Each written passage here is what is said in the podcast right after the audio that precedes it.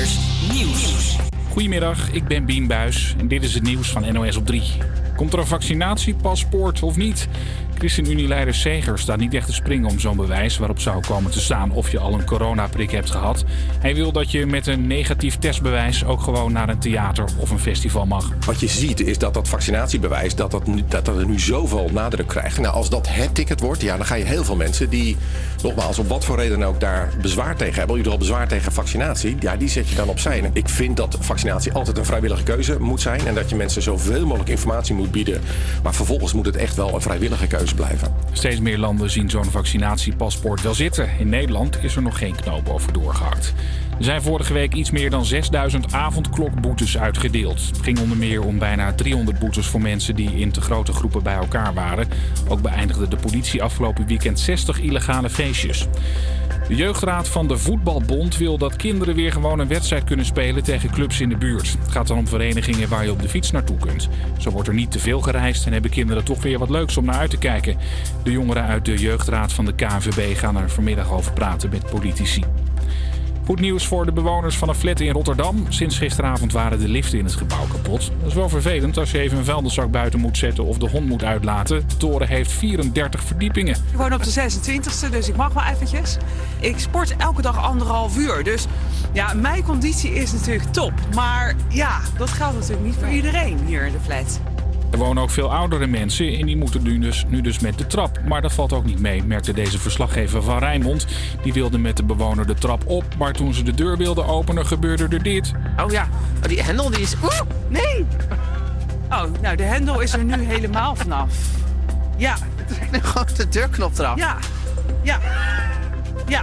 Nu hebben we een uitdaging. Nou, inmiddels is alles gelukkig gerepareerd. Het weer. Op veel plekken is het bewolkt. Het is een graad of 7. En in de loop van de dag kan er ook regen vallen. Morgen wordt het weer droog. Breekt soms de zon door en wordt het 7 of 8 graden. Is Wensin en je luistert naar HVA Campus Creators op Radio Salto. Goed dat je luistert. De komende twee uur zijn ook Siobhan en Isabel hier in de studio om jouw middag te verzorgen met muziek en interviews. Deze week staat geheel in het teken van hulp. Daarom spreken we live in de studio met Moraya de Haan. Zij komt haar verhaal vertellen over haar ervaring in de jeugdzorg. Zometeen gaan we het ook hebben over Internationale Vrouwendag. Maar nu hoor je eerst Purple Disco Machine met Hypnotized. Campus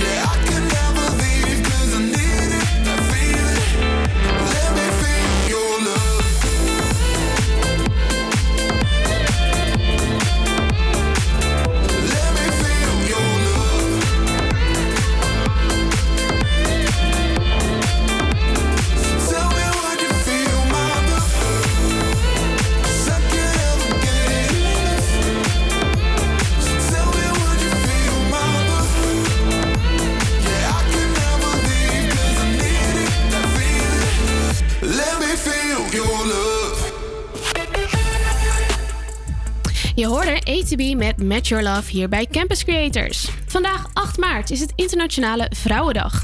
Deze dag staat in het teken van strijdbaarheid en het gevoel van solidariteit met vrouwen overal ter wereld. Elk jaar aan de hand van een specifiek thema. Internationale Vrouwendag is in de 20e eeuw ontstaan doordat vrouwen opkwamen voor hun rechten, onder andere op het gebied van arbeid en vrouwenkiesrecht. In 1912 werd Internationale Vrouwendag voor het eerst in Nederland gevierd het vandaag Internationale Vrouwendag is en wij bestaan uit een volledige vrouwenredactie, hebben wij voor jou een paar feitjes van vrouwen op een rijtje gezet. Ja, om te beginnen met het feit dat een man vaak bukt als hij iets opraapt en een vrouw knielt. Dit is natuurlijk niet altijd het geval. Eh, er zijn natuurlijk ook uitzonderingen, maar let er maar eens op. Ook worden vrouwen geboren met 2 miljoen eicellen. Wanneer ze haar eerste menstruatie zal hebben, heeft ze er nog maar 400 tot 500.000 over. En dit vind ik zelf best wel een, een gekke, maar vrouwelijke scheten schijnen meer te stinken dan mannelijke scheten. De scheten van een vrouw bevat namelijk meer zwavelwaterstof eh, dan die van een man.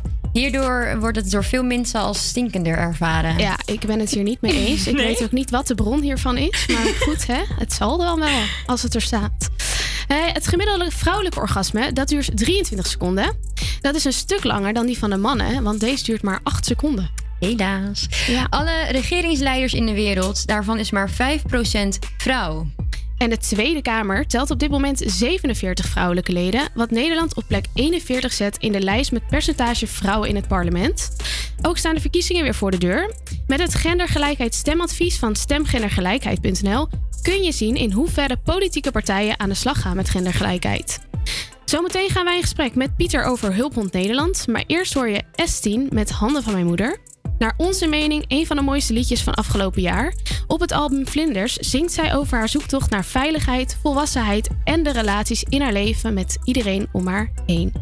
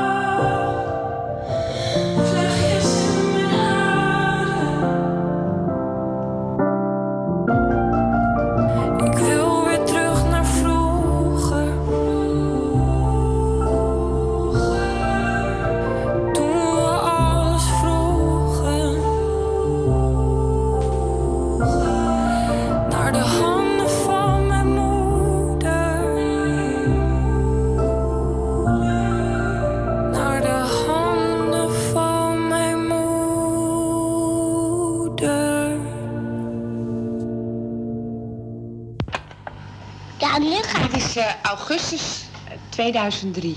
Ja, dat mag. Nu gaat hij. Nu gaat hij. En dat is muziek. Dat is muziek.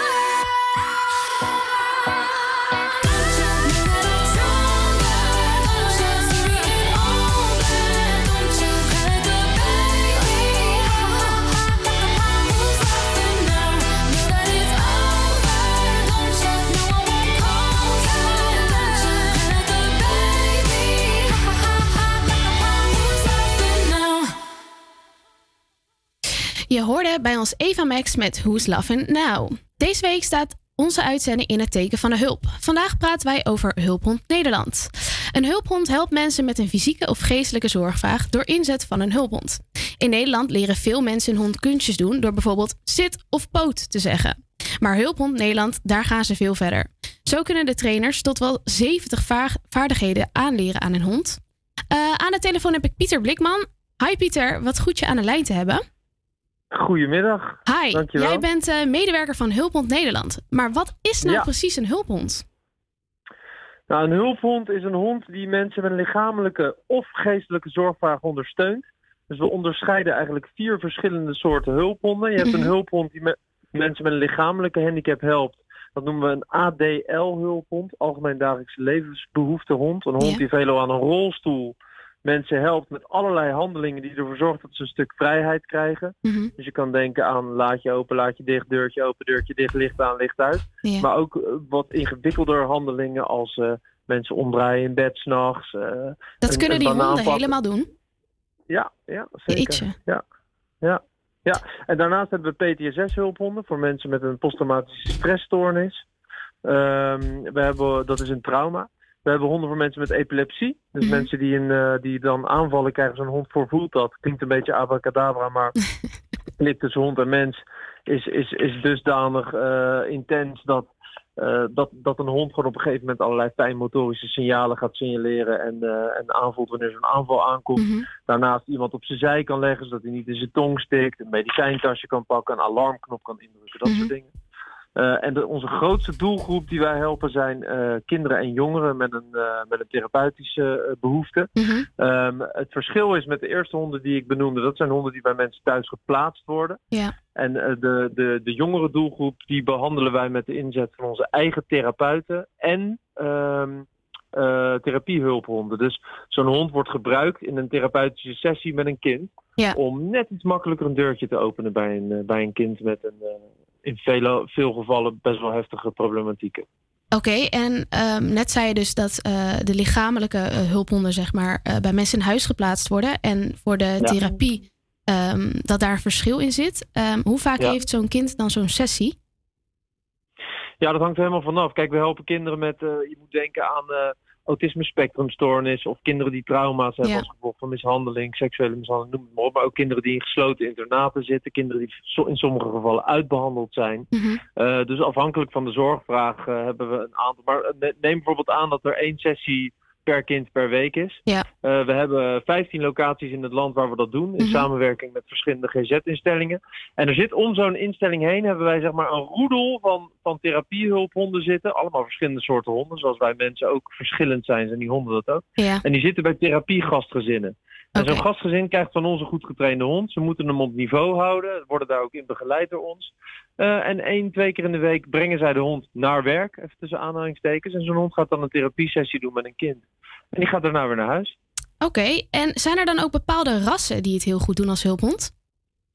Ja, eh, kijk, wij blijven altijd op zoek naar de perfecte hulphond, want die bestaat natuurlijk niet. Eh, Nee. Zoals ieder mens heeft ook ieder hond zijn, zijn, zijn krachten en zijn zwaktes. Ja. Maar over het algemeen, Labradors, Golden Retrievers en Koningspoedels. Mhm. Het voordeel van een Labrador is het dat hij heel goed te sturen is. En we kunnen we trainen honden op basis van positieve bekrachtiging. Dus dat betekent dat ze iets, bijvoorbeeld een, een beloning krijgen als ze iets goeds doen. Dat kan bijvoorbeeld in de vorm van voer zijn. Mhm. Nou, een Labrador heeft altijd wel zin in een brokje. Eh, eh, weet je, en, Ja. maar, maar een Labrador kan binnen soms wel wat rude zijn, wat, wat heftig. Als die bijvoorbeeld eh, jouw eh, iPhone moet apporteren, dan kan hij nog wel eens een keer kauwen. Dat is wat lastiger. Ja. En bij Golden Retriever is dat allemaal andersom. Die zijn binnen iets zachter, iets zachter in de bek. En die springen niet keihard tegen je op, maar buiten kunnen ze nog wel eens met wat jachtinstinct denken van... hey, toedeledokie. Ik ga er even Ik vandoor. ik ga er even vandoor. En een koningspoedel, die gebruiken we veel omdat mensen, heel veel mensen ook allergieën hebben. Ja. Nou, eh, ook wel eh, iets om rekening mee te houden natuurlijk, ja. Zeker, dan heb je bij Ja. zo'n zo'n doedel dan weer minder last. Alleen die zijn wat minder op voer. Die zijn nog intelligenter. Die zijn wat minder, ja, weet je, wat, we- we- iets, misschien, misschien hè, over het algemeen iets eigen gerijder. Dus die zijn wat lastiger om te trainen, iets lastiger om te begeleiden. Dus die kruisen we dan ook weer met Labradors en Golden Retrievers. En dan krijg je de Labradoodle en de Golden Doodle. Eh, en zo mixen we en proberen we de, de beste hulphondjes te krijgen. Oké, en hey, ehm, hoe lang duurt het precies om een hond helemaal klaar te stomen? En wat voor kosten zitten daaraan verbonden? Ehm, gemiddeld kost een hulphond van geboorte tot pensionering, dus zeg maar in 10 jaar, eh, ongeveer 4000 euro per jaar. Ja. Ehm, dat betalen wij allemaal. Dus de cliënten die een hulp, hond krijgen, die hoeven daar niet voor te betalen. Nee. Ehm, en daar zit alles in. Kijk, de gemiddelde hond in Nederland kost eh, tussen de 1500 en 2000 euro. Ja. En bij ons is dat dan vier, maar daar zit dus alle tra- training van trainers, eh, maar ook de benzine die de trainer nodig had om met zijn autootje op de plek eh, te komen waar hij ging trainen. Weet je, alles zit daarin. Alles wat wij nodig hebben om die honden op te leiden, eh, zit daarin. En Ehm, worden jullie daarin en- ook gesteund? Ja, ja, gelukkig wel. Maar daar moeten we natuurlijk heel hard ons best voor doen. Er zijn heel veel goede doelen in Nederland en wereldwijd. En hoe kunnen wij eh, Ehm, jullie daarin steunen? Als we even meteen een oproepje doen naar de luisteraars misschien. Nou, iedereen kan natuurlijk naar www.hulphond.nl en dan zie je een kopje steunen. En er zijn allerlei verschillende soorten manieren. Dus je kan je aanmelden als vrijwilliger, je kan donateur worden. Eh we hebben in het einde van het jaar eh, hebben wij altijd een hele leuke week. Dat is de week van de schooiers, waarbij we mensen collecteren op straat. En krijgt iedereen die meedoet, eh, die krijgt voor zijn hondje een soort hangtag in de vorm van een bordje met een QR-code erop. En dan kan je tijdens het uitlaten van je hond kan je de QR-code door andere hondenuitlaters laten scannen. En dan doen ze een donatie eh, voor onze stichting. Maar we halen ook ehm, eh, donaties uit stichtingen, vermogensfondsen, scholen die in actie komen voor ons. Eh, bedrijven natuurlijk. Dus als iemand een bedrijf heeft en denkt van joh, Hulp op Nederland, wat leuk. We hebben een hele leuke samenwerking met bedrijven waar bedrijven een eigen pub kunnen adopteren en die een naam kunnen geven en daar dan weer allerlei content voor ontvangen die ze kunnen delen intern en extern. Nou, dat klinkt van alles eh, mogelijk. Inderdaad als ze genoeg mogelijkheden. Het lijkt me ook een hartstikke mooi einde om hiermee ons gesprek af te sluiten. Hey, hartstikke bedankt voor je tijd en dat je wat meer wilde vertellen over Hulprond Nederland. Ja, super en bedankt voor de tijd die je mij gegeven hebt. Graag gedaan.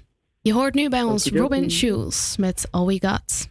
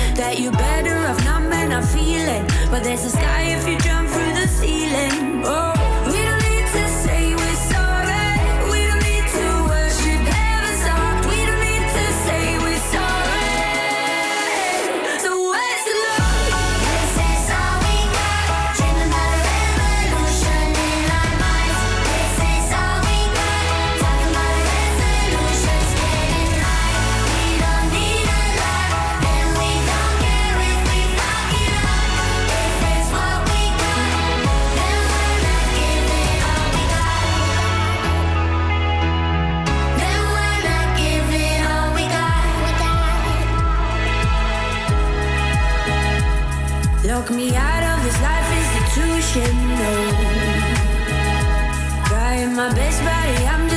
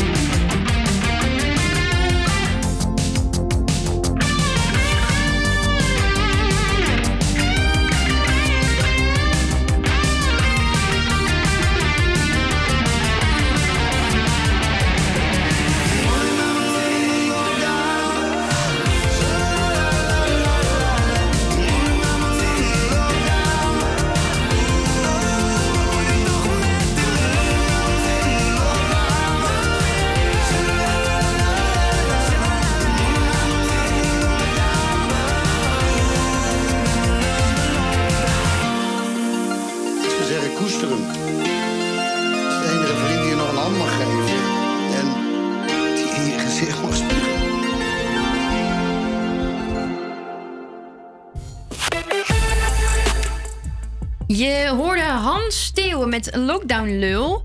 Het is nu eh, ja, een goed jaartje geleden voordat heel Nederland op zijn kop ging. Ehm, laten we het hebben over quarantaine. Quarantaine. Want- quarantaine. Ehm, hebben jullie al een keer in quarantaine gezeten? Ja, ik, eh, Isabelle, ik heb twee keer in quarantaine gezeten. Twee keer in quarantaine En niet eens omdat ik gekke dingetjes doe, maar ik heb gewoon altijd pech. Altijd pech. En hoe lang? Eh, de eerste keer eh, waren het toch de oude maatregelen. Dus toen heb ik tien dagen in eh, quarantaine gezeten.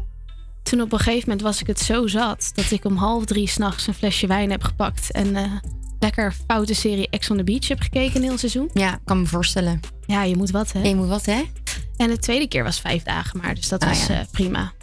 En jij bent? Ja, één keer, maar dat was maar twee dagen. Want ik twijfelde of ik corona zou hebben. Dus ik heb zo'n test gedaan. Maar ja, als zodra de test dan negatief zou zijn, dat ik dat Ja. kon zien, ja, mocht ik weer eruit. Oh, zo. Ja, Ah, ja dat is ook maar, nodig. Hebben jullie al vaak getest? Een vriendin van mij die is namelijk echt panisch met testen. Die is denk ik al twintig keer geweest. Twintig Nou. keer negatief ook. Dus 20 ook mooi. keer? Ja joh, die bij elke niche denkt dat ze corona heeft. Oh. Nee, ja, ik was is wel alert. We waren in het begin van, het, van, het, van vorig jaar, eh, ik en mijn huisgenoten waren we echt in een goede quarantaine, omdat we allemaal wel ziek waren. Maar dat was de tijd toen we niet getest werden, dus niemand weet of het het ook was. Maar ja, andere vraag is, wat was het wel? Ehm, Daarna heb ik heel lang, heb er helemaal lang niet over nagedacht om überhaupt te testen. Tot kerst, want met kerst heb ik me laten testen met zo'n stok in mijn neus. Dat vond ik heel naar. vond ik echt heel naar. en toen valt mee. Ja, maar zo'n stok, dat gaat echt. dat- Ze schrapen zo'n een stukje hersenen weg daar. Het gaat wel ver, hè? Het gaat ver naar binnen. ver. en toen de tweede keer, toen, ze- toen zei ze, nou, ja, past niet helemaal. En toen eh, kreeg ik zo'n dunner stokkie. En dat was top. Ja, ja, het verschilt ook per GGD.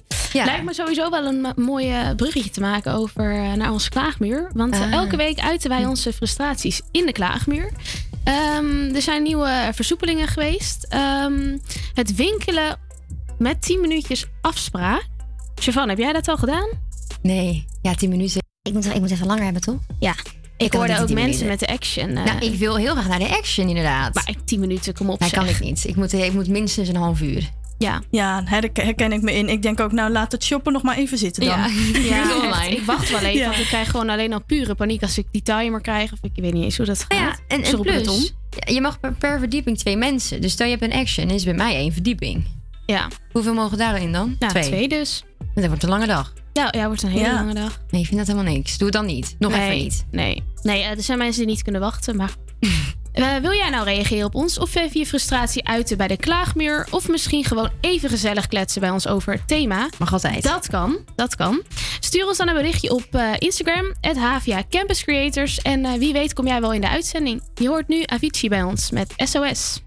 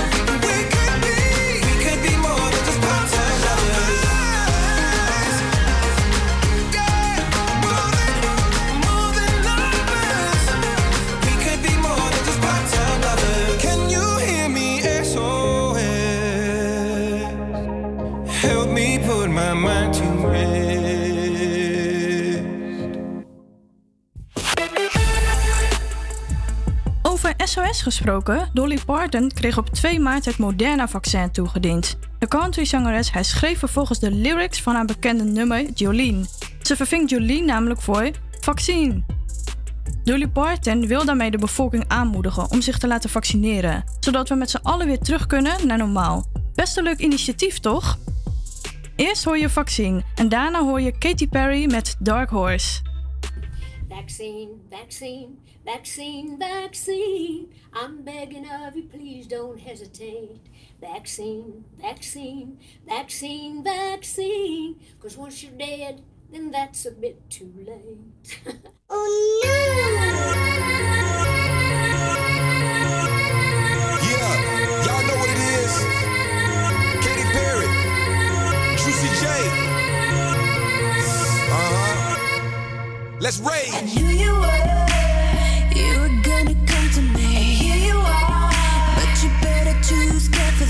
say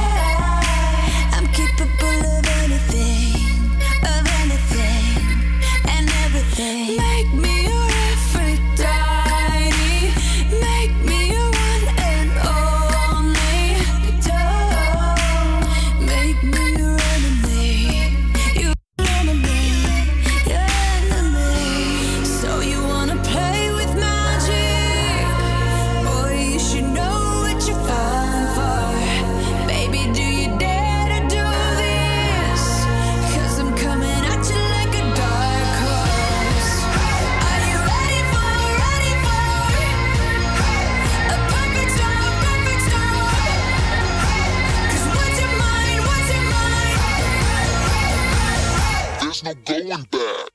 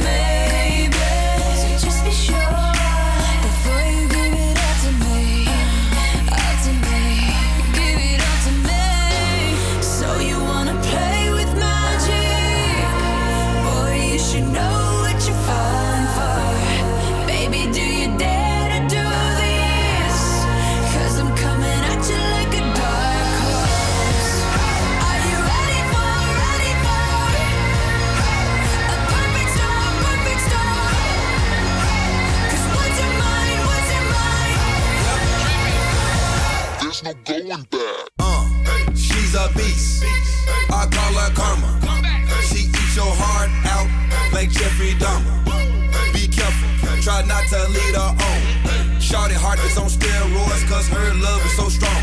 You may fall in love when you meet her. If you get the chance, you better keep her. She's sweet as pie, but if you break her heart, she turns cold as a freezer. That fairy tale ending with a knight in shiny armor. She can be my sleeping beauty. I'm gon' put her in a coma. Damn, I think I love her. Shot it so bad, I sprung and I don't care. She wrapped me like a roller coaster, turned the bedroom into a fair.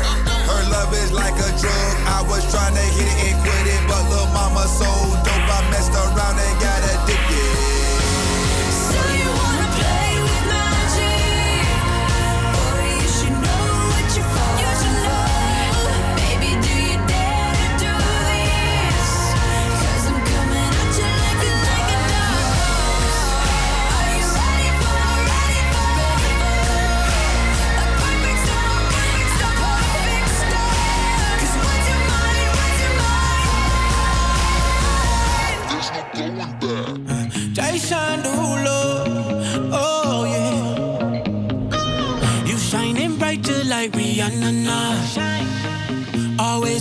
Fucking up some compromise. Oh, girl, we notice your body the coldest. Everybody fall in love, fall in love. I'm a rolling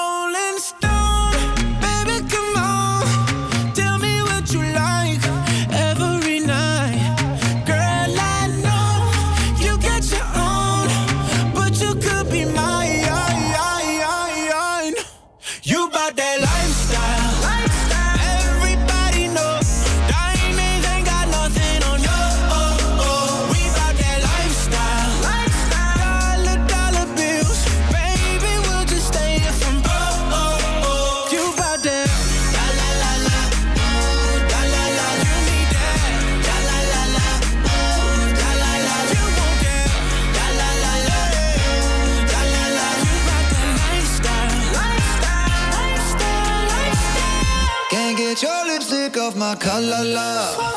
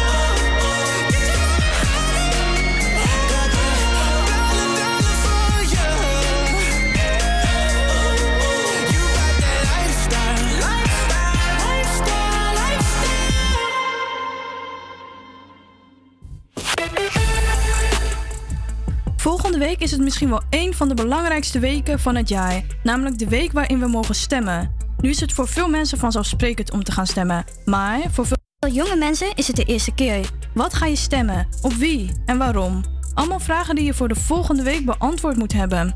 Gelukkig zijn er hulpmiddelen, waaronder de stemwijzer. Chauvin ging op bezoek bij Veerle. Ze schreef drie blogs over alles wat je moet weten voordat je gaat stemmen.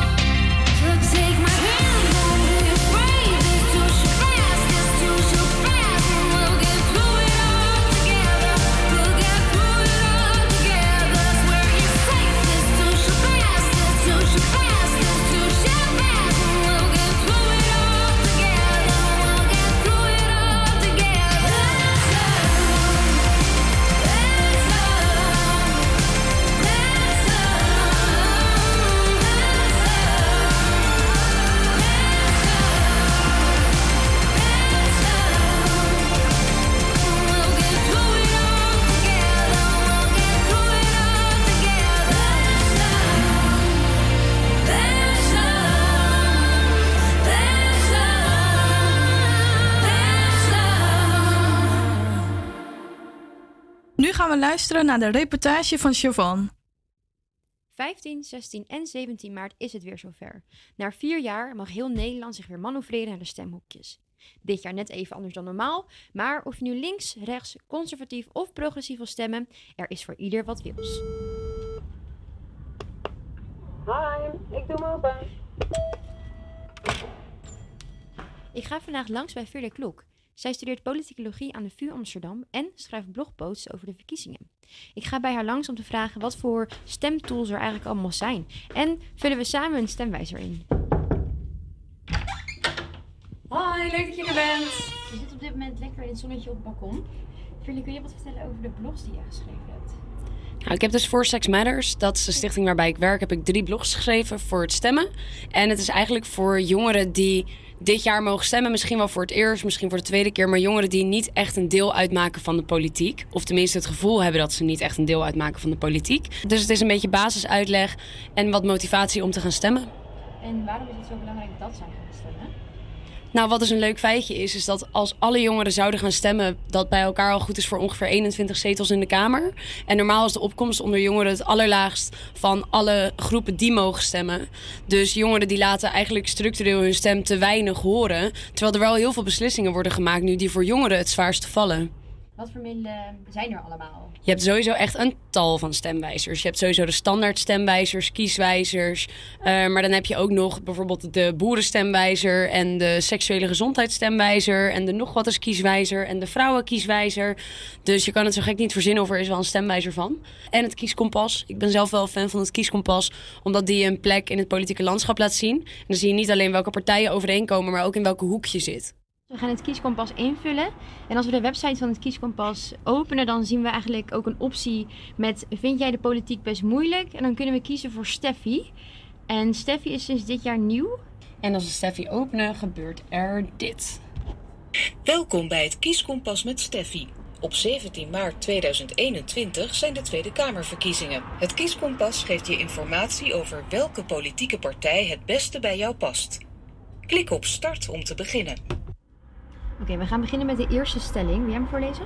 De eerste stelling is: er, moet meer, er moeten meer woningen gebouwd worden, ook als dat ten koste gaat van groen. En dan kun je dus nu op groen drukken. Groen is natuur, zoals parken, bossen en weilanden. In beschermde natuurgebieden mag nooit worden gebouwd. Dus nu geeft zij een soort van extra toelichting van wat, wat, het, wat het betekent. Ja, wat betekent nou eigenlijk groen? En groen is dan natuurlijk wel een makkelijk voorbeeld misschien. Oké, de volgende stelling is... Competitie tussen zorgaanbieders verbetert de kwaliteit van de zorg. En nu kun je er dus twee aanklikken, dus competitie en zorgaanbieders.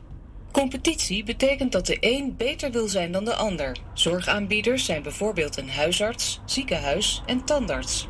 Oké, we zijn aangekomen bij de laatste pagina van het kieskompas. Wat zien we hier allemaal? We zien nu eigenlijk een politiek landschap met progressief bovenin, conservatief onderin, links en dan rechts. En daar zijn alle partijen in het landschap geplaatst. En er is een blauw poppetje en dat ben ik. En ik sta dus in de buurt van partijen waar ik wat mee overeenkomsten heb. En dan hebben we hier rechts ook nog een knopje met wat zeggen de partijen. Als we dat aanklikken, dan kunnen we ook nog per standpunt kijken wat partijen vinden. Dus stel je voor, ik vind nou voornamelijk legale wietteelt of abortus heel belangrijk. Kan ik nog kijken hoe erg ik daar overheen kom. Of stel je voor, ehm, sociale zaken interesseren mij echt niks. Dan kan ik die nog uitzetten. Oké, dus echt, je kan echt zien welke partij wat erover zegt. Ja. En vind je ook dat het echt helpt? Als je bijvoorbeeld, stel je met een zwevende kiezer, denk je dat dit echt een uitkomst kan bieden? Zeker denk ik dat het helpt. Ik denk alleen dat het soms lastig is als je niet zo goed begrijpt waar je uitkomt. Kijk, ik kom helemaal links progressief uit, dus dat is duidelijk.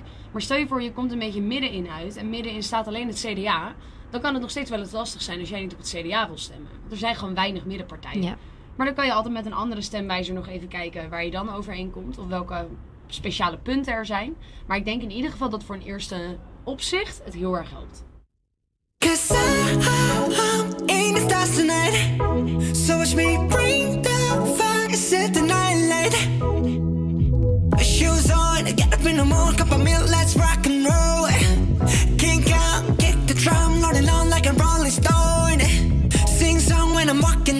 I'm the top of the brown.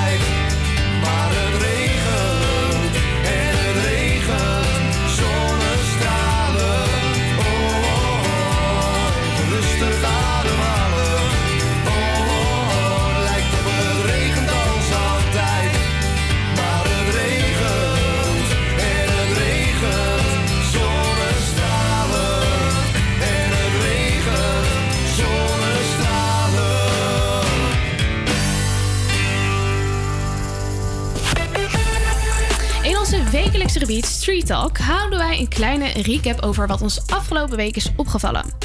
Alle Nederlanders die een coronavaccin willen, kunnen vanaf juli al de eerste prik krijgen. Dat is mogelijk als alle verwachte leveringen doorgaan volgens Hugo de Jonge. Het kabinet rekende er eerder nog op dat het tot zeker begin van de herfst zou duren voordat iedereen deels gevaccineerd zou zijn. Mits je dat natuurlijk wil. Op basis van de ervaringen van afgelopen tijd, zoals het prikken en de leveringen van verschillende vaccins, is de jongen nu optimistischer. De versoepelingen zijn vanaf woensdag 3 maart ingegaan. Voor iedereen met een zogeheten coronakapsel is het de dag. Want de kappers mogen weer aan de slag. Net als de schoonheidsspecialisten, pedicures, masseurs en rijschoolhouders. Vandaag vergadert het kabinet over onder andere eh, de zwemlessen... die misschien weer door mogen gaan vanaf half maart. En het kabinet gaat ook vandaag waarschijnlijk het perspectief geven... over het huidige, huidige reisadvies. Na 15 april. Amsterdamse jongeren die dak- en thuisloos zijn of dat dreigen te worden, kunnen sinds 3 maart de zogeheten Straat-app installeren. Die app bevat praktische informatie over waar ze onder andere goedkoop kunnen slapen, douchen en eten. De app bestaat uit 9 thema's en is bedoeld voor Amsterdamse daklozen tussen de 16 en 24 jaar. De app is bedacht door jongeren van stichting Don Bosco Straatvisie. Die hebben ze ontwikkeld nadat ze zelf ondervonden hoe moeilijk het is om informatie te vinden als ze op straat komen te staan.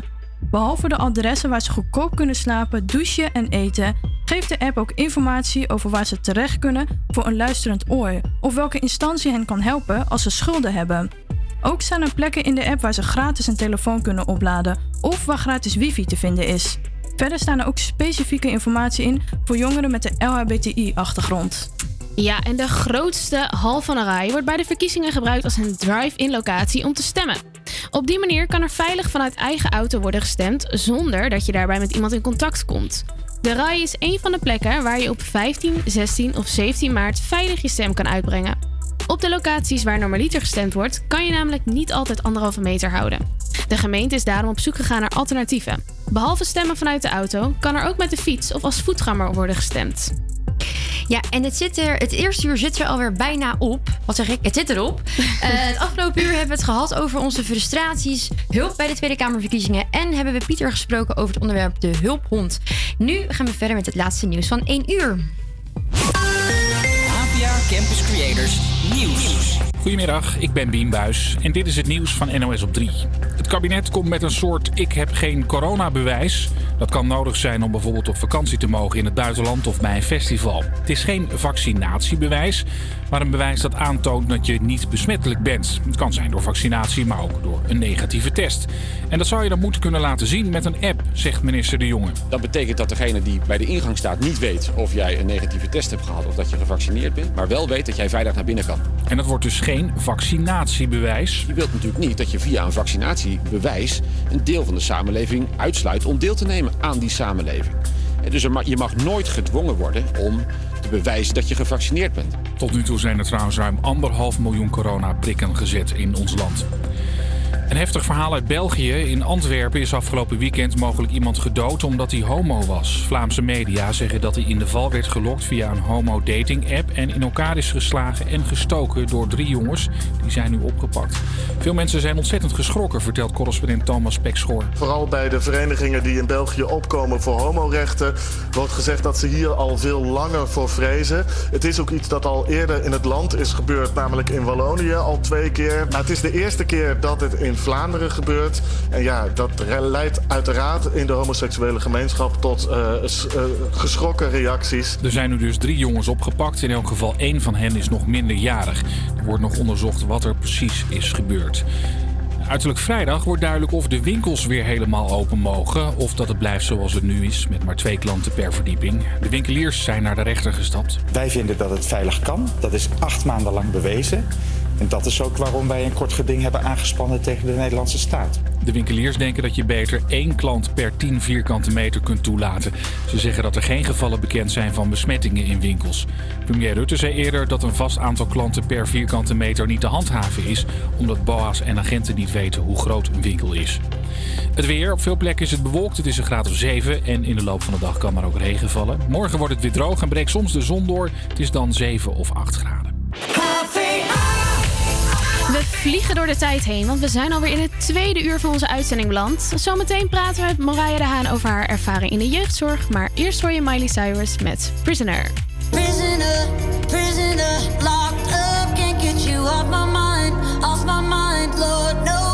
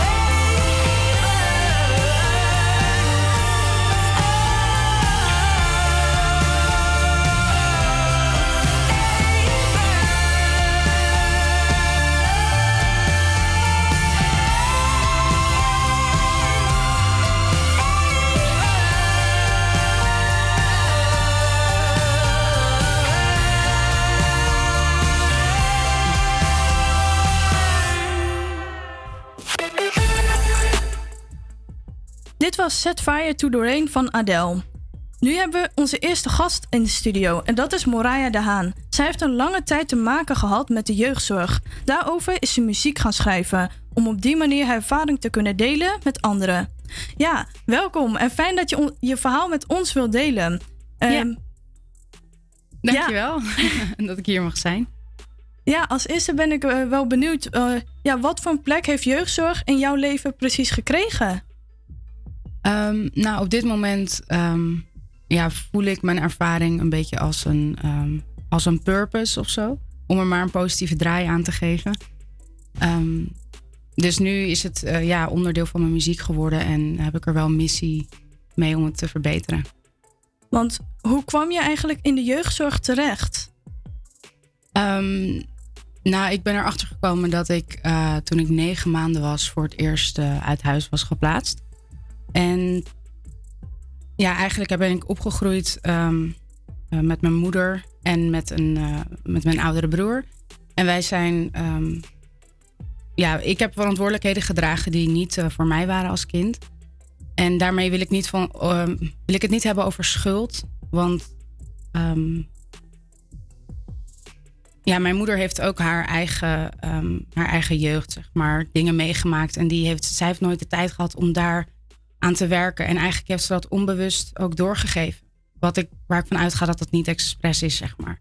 Dus het is eigenlijk ehm, ja, een, een, een patroon die is doorgezet. En daar ben ik ja, in bepaalde vorm wel de dupe van geworden. Want eh, wat voor jeugdzorg had jij dan nodig? Wa- wat moet ik me daarbij voorstellen? Nou, als je in de jeugdzorg zit, dan ehm, eh, ja, heb je pleegzorg, maar je hebt ook eh, groepen. Ik heb vooral op groepen gezeten. Ik ben veertien keer verhuisd in totaal. Dus ik heb op veertien verschillende plekken gewoond. Ehm, dus ik zeg altijd 15 keer scheepsrecht. Eh, toevallig heb ik te horen gekregen dat mijn woonurgentie is toegekend. Dus het ziet er naar uit eh, dat ik mijn eh, final destination, om het maar zo te zeggen, dat het in zicht is. Ehm, ik ben op veel groepen geplaatst en eigenlijk had ik behoefte aan een gezin, een warm nest, een veilige haven, vertrouwde plek waar je, waar je kan opgroeien en eh, dat er mensen om je heen zijn die jou de wereld leren, om het maar zo te zeggen. En al die ervaring in de jeugdzorg, wat heeft dat jou uiteindelijk opgeleverd? Of ja, hoe heeft dat jou gevormd zoals je nu bent? Ehm, nou, ik ben blij dat ik al stappen verder ben, waardoor ik ook op een positieve manier kan terugkijken en de lessen kan zien die ik heb geleerd.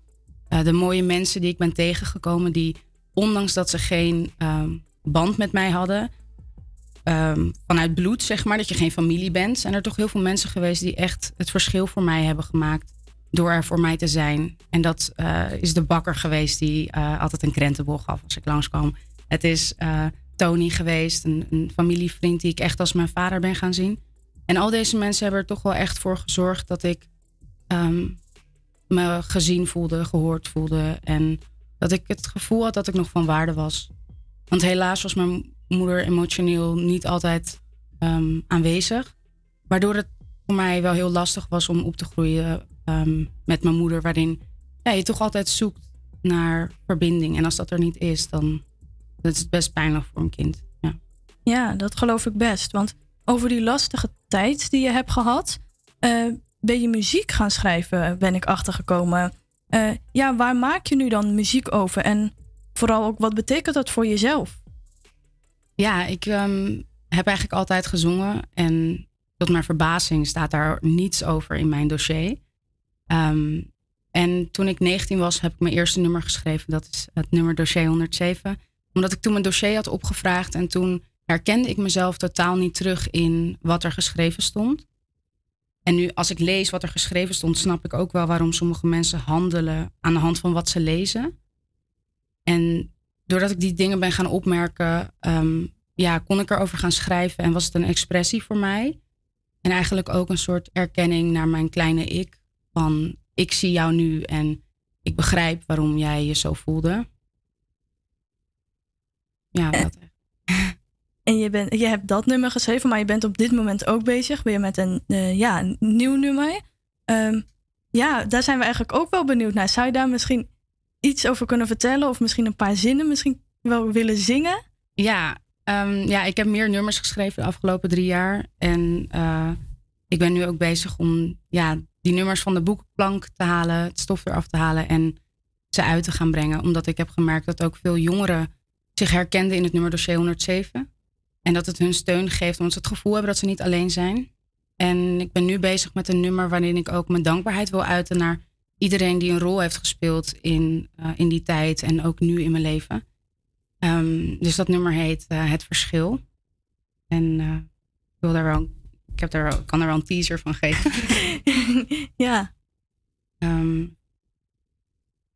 Vertrouwen heb ik nu met jou opgespaard, want je zag mij voor meer dan mijn verhaal.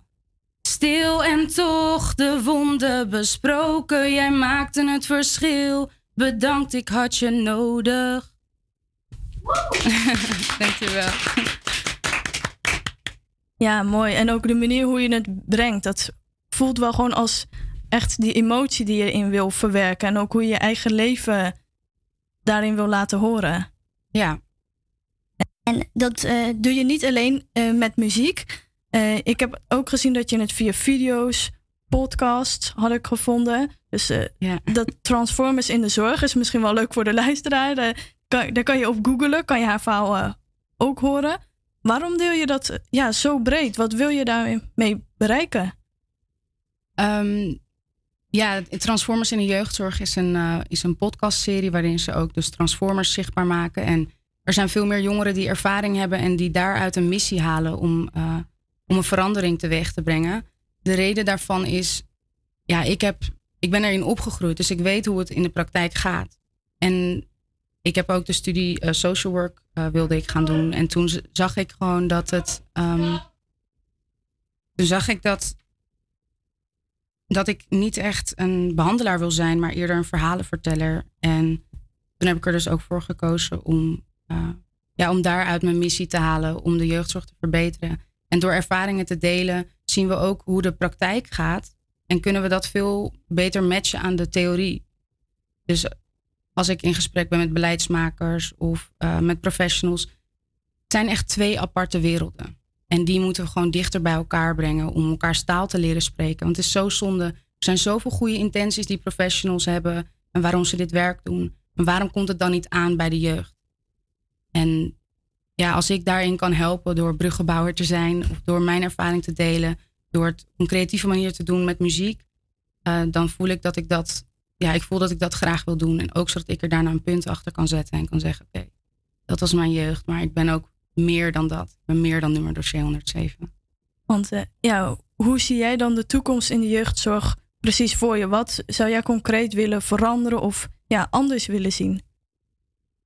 Ehm, nou, ik, ik heb er over deze vraag heb ik vaak nagedacht en het is ontzettend veel. Maar als ik kijk naar wat ik op dat moment het belangrijkste vond, was dat, er, dat ik een omgeving had die mij kon bevestigen dat ik goed genoeg was, dat ik van waarde was. Ehm, en als kind heb je die bevestiging nodig. En daarom vind ik het heel belangrijk dat ieder kind recht heeft op een vertrouwenspersoon, op een persoon waar die altijd toegang toe heeft. Ehm, en die persoon hoeft niet per se je ouders te zijn als dat dus niet mogelijk is. Dat, dat is ja, aan het kind. Van bij wie voel ik me gehoord, bij wie voel ik me veilig. En ik vind dat dat heel belangrijk is en vooral in de jeugdzorg. Omdat je met zoveel verschillende mensen te maken krijgt, wordt er verwacht dat een kind iedereen vertrouwt. Maar als het, ja, als het vertrouwen zo vaak beschadigd is, kun je dat eigenlijk niet vragen. En als we het hebben over openheid, ja, professionals en zo is het systeem opgebouwd dat een kind heel open moet zijn over eh, ja, wat er is gebeurd. Maar als een professional niks over zichzelf vertelt, toon je eigenlijk zelf aan dat het niet veilig genoeg is om eerlijk en open te zijn over wie je bent. Waarom verwachten we dat dan wel van het kind? Ja, heftig om dit zo te horen. Daar krijg ik wel een beetje kippenvel van, omdat ik persoonlijk zelf ook niet weet hoe de jeugdzorg in elkaar zit en ik ook eigenlijk niemand ken die daarmee te maken heb gehad. Dus zo'n verhaal, ja, heftig. Ehm, maar ja, dankjewel dat je zo'n ja, kwetsbaar, heftig verhaal dus met ons wilt delen. Ehm, je hebt het al eerder genoemd, dossier 107, die eh, heb je naar ons gestuurd. Nou, die willen we ook graag draaien hier eh, op de radio. Dus hier is eh, van Moraya de Haan, dossier 107.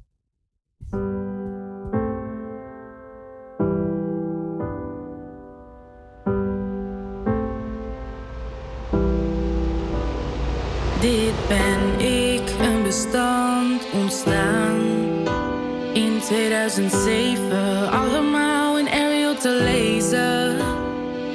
Met punten en komma's, lettertype 9, ABN geschreven. Heel overdreven. Met woorden waarvan ik de betekenis niet eens kan weten. Zet er een handtekening bij en het is niet meer weg te vegen. Dat noem je een dossier en dat dossier volgt mij mijn hele leven. Want ik op papier beschreven.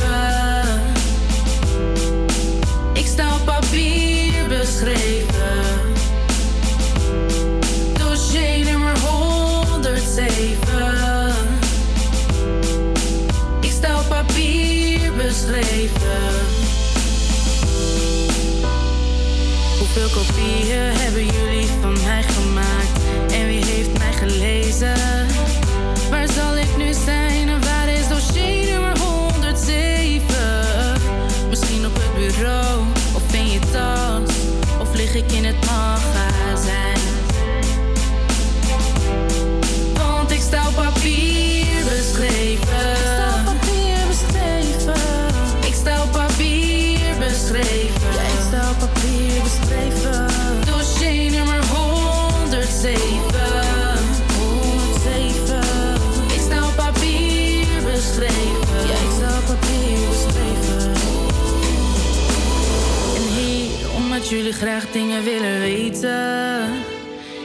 van spaghetti en in de UK draag ik met nummer 7. Want jullie weten veel over mij, maar niet over mijn leven. Ik vraag me oprecht af wat je dacht toen je mij voor het eerst zag. Oh, wacht. En als je op vakantie gaat, vergeet dan niet om mijn dossier met je vervangster te bespreken. Want wat jij leest is niet wat zij leest. En het is zeker niet hoe ik er altijd bij zit. Want ik sta op papier beschreven.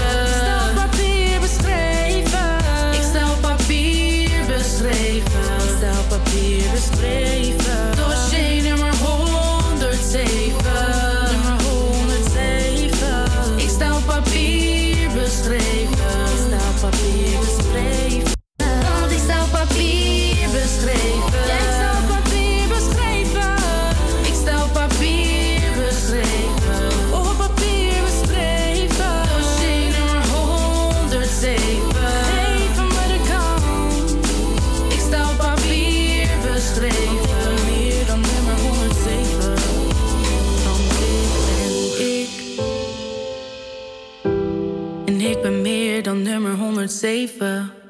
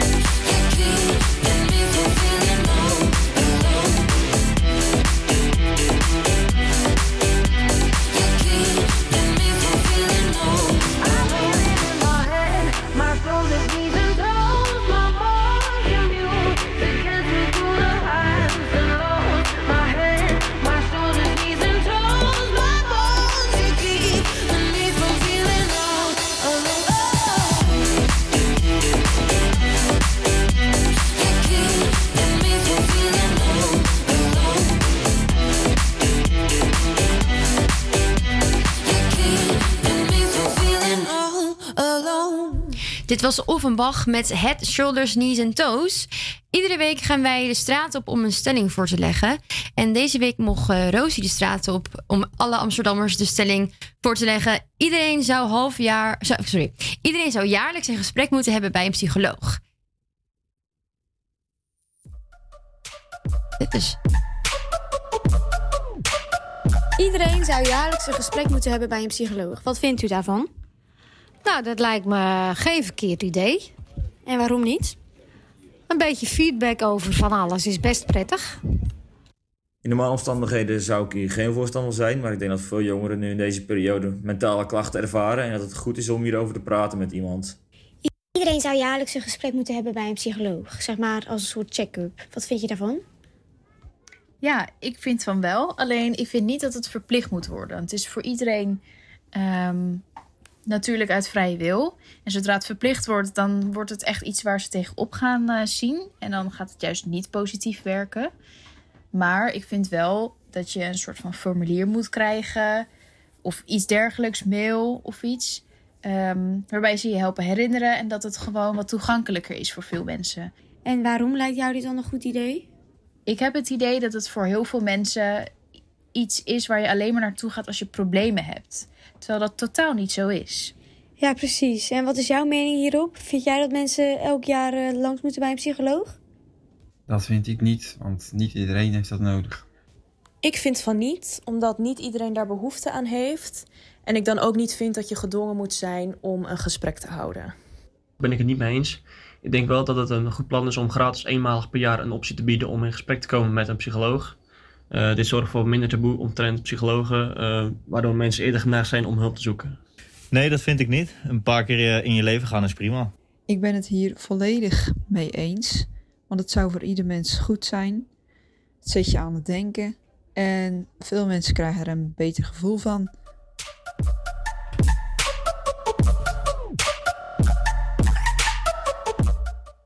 Ja, de stelling is dus: ieder, iedereen zou jaarlijks een gesprek moeten hebben bij een psycholoog. Wat eh, vinden wij daarvan? Ja, ik denk eigenlijk dat het zo'n eh, raar of ja, gek idee nog niet is. Gewoon elk jaar even een check-up hoe het mentaal met je gaat. Ik denk dat daar wel meer aandacht naartoe mag. Ja. Ik ben het daar echt heel erg mee eens, inderdaad. Dacht bijna dat je ging zeggen oneens. Nee, ja, wel eens. ja, zoals we net al, al hoorden, ehm, zei ook een van de, van de mensen van de stelling, die zei, ik denk niet dat het verplicht moet worden. Daar ben ik het ook mee eens, want ehm, ja, niet iedereen die is het daarmee eens natuurlijk. En inderdaad, als je iemand gaat verplichten, dan, hè, dan ga je eigenlijk een beetje stijgeren als je er helemaal geen zin in hebt. Dan wordt het weer zo'n moedding. Van, ik Ja, moet dat het. gaat niet werken. Dus Maar het zou gewoon optioneel moeten zijn. ik denk inderdaad gewoon dat het optioneel moet zijn. En dat je dat gewoon ja, misschien ook wel in je basispakket moet hebben of zo. Dat je daar gewoon ehm, jaarlijks recht op hebt op een sessie of zo. Of eh, eh, een bepaald aantal sessies, drie sessies. Nou ja, en misschien moet ook het taboe ervan af ja. halen. Want oeh, psycholoog, hoe spannend Ja, allemaal. daar heerst heel erg een taboe. Taboe. Een taboe. daar heerst heel, inderdaad heel erg een, een taboe op. Terwijl het helemaal niet, niet gek is. Ik heb ook het idee dat er eh, onder jongeren vooral ook een taboe Ja. heerst van... eh, je gaat praten met iemand, dus je bent niet goed in je kop. Ja, en je gaat naar de psycholoog. Om het maar even zo te zeggen. Ja, Ja. precies. Terwijl het eh, juist eigenlijk alleen maar hele goede dingen voor je kan doen. Ja. misschien moet het inderdaad iets toegankelijker worden, iets laagdrempeliger en dat we er gewoon over kunnen praten met Ja. elkaar. Dus Ja. iedereen thuis die dit hoort, open het gesprek. Open het gesprek en praat. En praat. Dan horen we nu Dua Lipa met We're Good.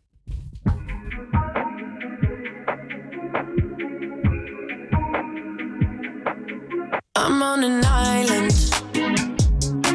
Even when you're close, can't take the silence.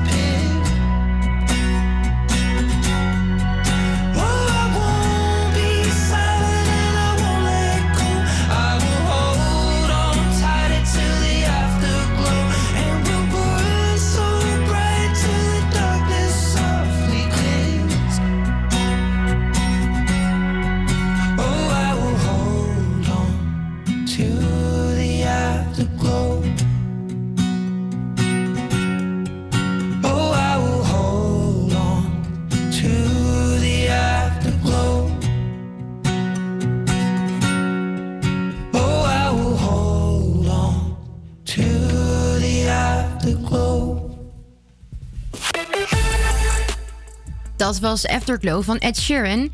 En het is weer tijd voor onze wekelijkse quiz. Deze week staat de, teken, staat de quiz in het teken van de hulp. En eh, testen wij de, kenners, eh, de kennis van onze luisteraars. Goedemiddag, als het goed is heb ik Nansau aan de telefoon. Ja, hoi. Hallo. Hallo. Ehm, nou, ik hoop dat je er klaar voor zit, want we gaan beginnen. Ik heb Ja. vijf vragen voor je. En als je drie van de vijf vragen goed hebt, dan mag je een verzoeknummertje uitkiezen. Het zijn eh, open vragen, dus het gaat erom dat je meest in de buurt zit van het goede antwoord. Ehm, ben je er klaar voor? Mhm. Eh, ja, dat Ja? denk ik wel. Oké, dan gaan we beginnen met de eerste vraag. Helaas komt het nog steeds voor dat hulpverleners niet altijd met respect worden behandeld. Sinds de komst van corona is er iets nieuws bijgekomen, namelijk de coronaspuger. Ehm, ja, dit komt dus voor en dat wordt ook gelijk bestraft. Ehm, de vraag is: wat is de gemiddelde straf van een coronaspuger? En het gaat om ehm, ja, de straf in. Nou ja, goed, je mag het zelf invullen. Wat denk je wat de straf is? Ehm, ik denk dat corona... so- sorry, ja, spugers, eh, dat die ehm, taakstraf krijgen. taakstraf krijgen. Nou, ik had dat dus ook verwacht. Maar ik moet je zeggen, de, de straf is dus gemiddeld 56 dagen cel. Echt waar? Dat is heel veel. Oh, dat wist ik niet. Vind ik heel, Oh, ja, vind ik een, vind ik een hoge straf. Ehm, Oké, we gaan door met vraag 2. Hopelijk komt het je nooit, eh, zal het je nooit overkomen. Maar het zou zomaar kunnen dat je op een dag wakker wordt. En een deel of je hele huis in de fik staat. In vuur en vlam. Heel vervelend allemaal. Ehm, het is wat je doet of wat in je opkomt. is waarschijnlijk 112 bellen. En die verbinden je dan door met de brandweer. Met loeiende sirenes komen ze eraan. Ehm, dus deze baan is heel fysiek en mentaal. Heel veel, ja, dat vraagt gewoon heel veel van je. Is heel zwaar. Ehm, nu is de vraag eh, wat het gemiddelde salaris is volgens het Nationale Beroepengids van deze gewaardeerde brandweermannen of vrouwen. Je Je mag er ongeveer 300 euro naast zitten. Dus wat is het gemiddelde salaris eh, per maand van een brandweerman of vrouw? Ehm, ik denk ongeveer 1700 euro. Heb jij ergens afgekeken? Nee, Het is nee. precies 1700 euro per maand. Ja. En het is gebaseerd op een 40-urige werkweek. En Ja. dit is dan wel eh, het gemiddelde. Het, eh, het aanvangssalaris ligt op 1429 en het eindsalaris ligt op 2203. Dus je kan nog klimmen zo. eh. Maar wauw, dit is in één keer helemaal goed. Ja. Oké, we gaan door met vraag 3. werken bij Defensie is een droom van veel jongens en meisjes. Maar ook helaas in dit beroep zijn vrouwen in de minderheid. Eh, volgens de metingen van de Defensie werk, werkten er in 2020 iets meer dan 66.000 werknemers, bestaande uit reservisten, burgers en militairen. Hoeveel van deze 66.000 medewerkers zijn er vrouw? En je mag er duizend naast zitten. Oef. Ehm, laten we zeggen. eh oef. Het zijn 66.000 in totaal, hè? Ja. Dus eh 3500. Weet je dat heel zeker? Oef, nou als je dat zo vraagt. Ehm, Zijn er ja. 66.000 werknemers en hoeveel Oh, sorry, 66.000. Ja, Sorry. Eh, nee, dat weet ik niet zeker. Ehm, laten we zeggen, dan, dan halen we er nog een nulletje bij. Nee, meer. Oh, jeetje. Eh, ja, oké. la- ja, nee, ik hou het ervan op. 35.000. 35.000. Nou, Ja. dat, zou, dat zou echt mooi zijn. Maar helaas, helaas is dat niet het goede antwoord. Het antwoord is 10.462 vrouwen. Dus die, ja, dat is erg, eh, erg weinig eigenlijk. Ja. Dan gaan we door met vraag 4. Er werken ruim 8000 vrijwilligers voor, de, voor het Ouderenfonds. Een mooi initiatief eh, dat eenzaamheid onder ouderen wil tegengaan. Maar hoeveel vaste werknemers zitten er in het team van het Ouderenfonds? En je mag hier 10 mensen naast zitten. Oh, sorry. Hoeveel, hoeveel eh, werknemers zitten Ja, dus er zijn tach- eh, 8000 vrijwilligers bij het Ouderenfonds. Maar er is ook een Ja. vast team met medewerkers. En nu is de vraag: hoeveel mensen er in dat vaste team zitten? Oh. Ja. Eh. eh, vijf- zijn er 10, 8000 zitten erin als vrijwilliger, dus vaste team. En zijn zij ook vrijwilliger of gewoon die worden nee, zij zitten in het vaste, vaste. Oké, oké. Eh, laten we zeggen vijf- 15. En je mag er 10 mensen naast zitten. Wat zei je? Mag er 10 mensen naast zitten? Mag, wat zei je daarvoor? Eh, zij-